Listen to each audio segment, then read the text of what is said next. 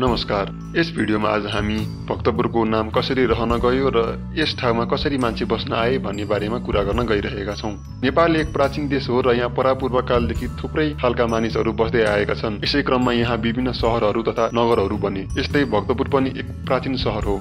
भक्तपुरमा प्राचीन बस्ती रहेको प्रमाणहरू थुप्रै रहेका छन् तर योभन्दा पहिला हामी भक्तपुरको नाम कसरी रहन गयो भन्ने बारेमा चर्चा गर्नेछौँ।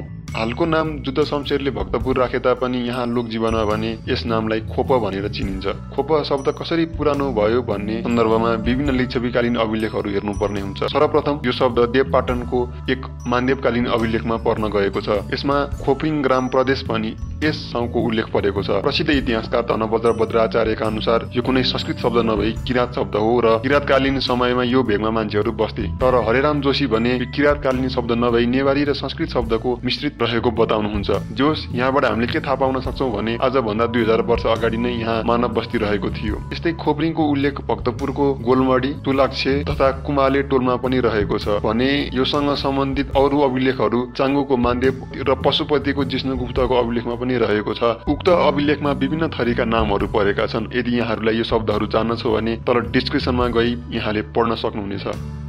यी अभिलेखमा विभिन्न शब्दहरू परेका छन् तर यस्ता थुप्रै शब्दहरू मध्ये खोप नाम भने केही समान्तर देखिन्छ। अब यो खोप शब्दको अर्थ के हो भनेर हामीले कुरा गर्ने हो भने यसको आधिकारिक पुष्टि पनि भइसकेको छैन। यद्यपि इतिहासकार पुरुषोत्तम लोचन श्रेष्ठका अनुसार खोले खोलालाई बुझाउँछ भने प भने परिवर्तन भएको प्रिङ शब्द हो जसले बस्ती बुझाउँछ। यसको मतलब खोप भनेको खोलाको बस्ती हो। भौगोलिक रूपमा हेर्ने हो भने पनि भक्तपुरलाई वरिपरि खासाङ खुसुङ र हनुमन्ते खोलाले घेरेको छ। तर इतिहासकार पुरुषोत्तम लोचन श्रेष्ठ अझ तर्क दिँदै के लेख्नुहुन्छ भने पहिले यहाँ सुकुल ढोका क्षेत्रमा एउटा खोला बग्ने गर्दथ्यो यस्तै भक्तपुर नगरभित्र अन्य ससाना खोलाहरू निक्ली हनुमन्तेसम्म जाँदा थिए। त्यसैले यो खोलै खोला भएको सहर भएकाले नै यसलाई खोप भनिएको हो। तर अहिले भने त्यो खोला बग्ने ठाउँमा बाटोहरू रहेका छन्।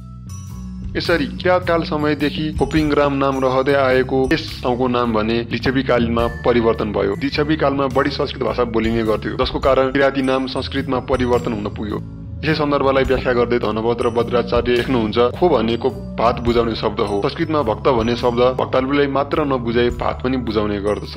यसै आधारमा किराँती नाम संस्कृतिकरण भई खोबाट भक्त भयो र पिङग्रामबाट ग्राम भयो। यसरी मध्यकालसम्म आइपुग्दा यसको नाम परिवर्तन भइसकेको थियो र यसको नाम भक्तग्राम अथवा भद्रग्राम हुन पुगेको थियो। विक्रमसम्म उन्नाइस सय बयानब्बेको अभिलेखमा समेत भद्रग्राम शब्द परेको छ। यसरी अपभ्रंश भई भक्तग्राम भद्रग्राम भक्तगाउँबाट भातगाउँ हुँदै यस सहरको नाम भातगाउँ हुन पुगेको थियो। यसरी जनजीवनबाट बदलिँदै आएको नामलाई आफू प्रधानमन्त्री हुँदा जुद्ध शमशेर राणाले मन्दिरै मन्दिर र भक्तहरू भएको सहर हुनाले यसलाई भक्तपुर भनी नामाकरण गरिदिए। त्यहाँ उपरान्त अहिलेसम्म पनि यसलाई भक्तपुर भनिन्छ। तर अझ पनि लोक जीवनमा यसलाई खोप नै भनी चिनिने गरिन्छ।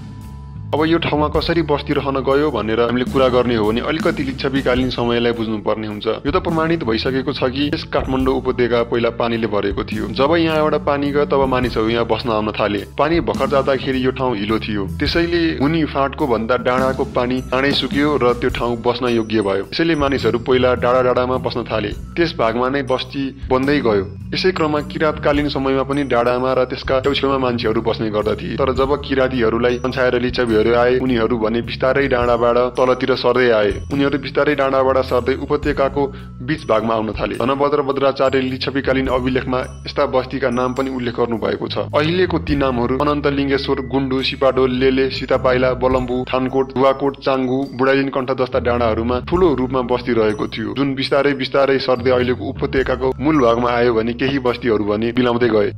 यसै अन्तर्गत भक्तपुरलाई हेर्ने हो भने भक्तपुरलाई कोपिङ ग्राम प्रदेश भनिन्थ्यो। यस्तै पाटनलाई युपी ग्राम र काठमाडौँलाई कोलीग्राम भनी चिनिने गर्थ्यो। यिनीहरू बिस्तारै बिस्तारै व्यापारिक केन्द्रको रूपमा द्रङ्ग भई बस्थे यस्ता द्रङ्ग अन्तर्गत थुप्रै ग्राम तथा प्रदेश र टोलहरू रहने गर्थे। भक्तपुर पनि बिस्तारै सानो बस्तीबाट ठुलो व्यापारिक केन्द्रको रूपमा परिवर्तन भएको थियो। एकैचोटि भएको थिएन। यसको लागि निकै नै समय लागेको थियो। यसको विकासक्रम हेर्ने हो भने लिच्छवी काल भन्दा पहिला यहाँ सानो बस्ती थियो। र जब इतिहासको छैटौँ शताब्दी आयो तब यो सामान्य बस्तीबाट सयदेखि पाँच सय घर भएको ग्राममा परिणत भयो र यसको लगभग डेढ दुई सय वर्षपछि यस ठाउँ द्रङ्गको रूपमा ठुलो बजारको रूपमा परिणत हुन पुग्यो। त्यसपछि त यो ठाउँको विकास झन् बढ्दै गयो र तेह्रौँ शताब्दीसम्म आइपुग्दा त यो पुरा नेपाल अधिराज्यको नै राजधानीको रूपमा रहेको थियो। यो सँगै भक्तपुर कलादेखि राजनीतिक र सामाजिक रूपमा बलियो भइरहेको थियो।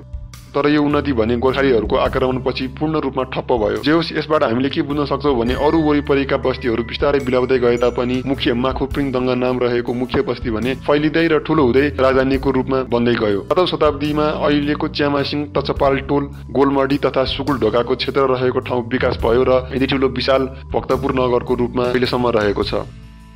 आजको लागि यति नै। यदि यहाँहरूलाई यो भिडियो मन पर्यो भने लाइक गर्नुहोला। धन्यवाद।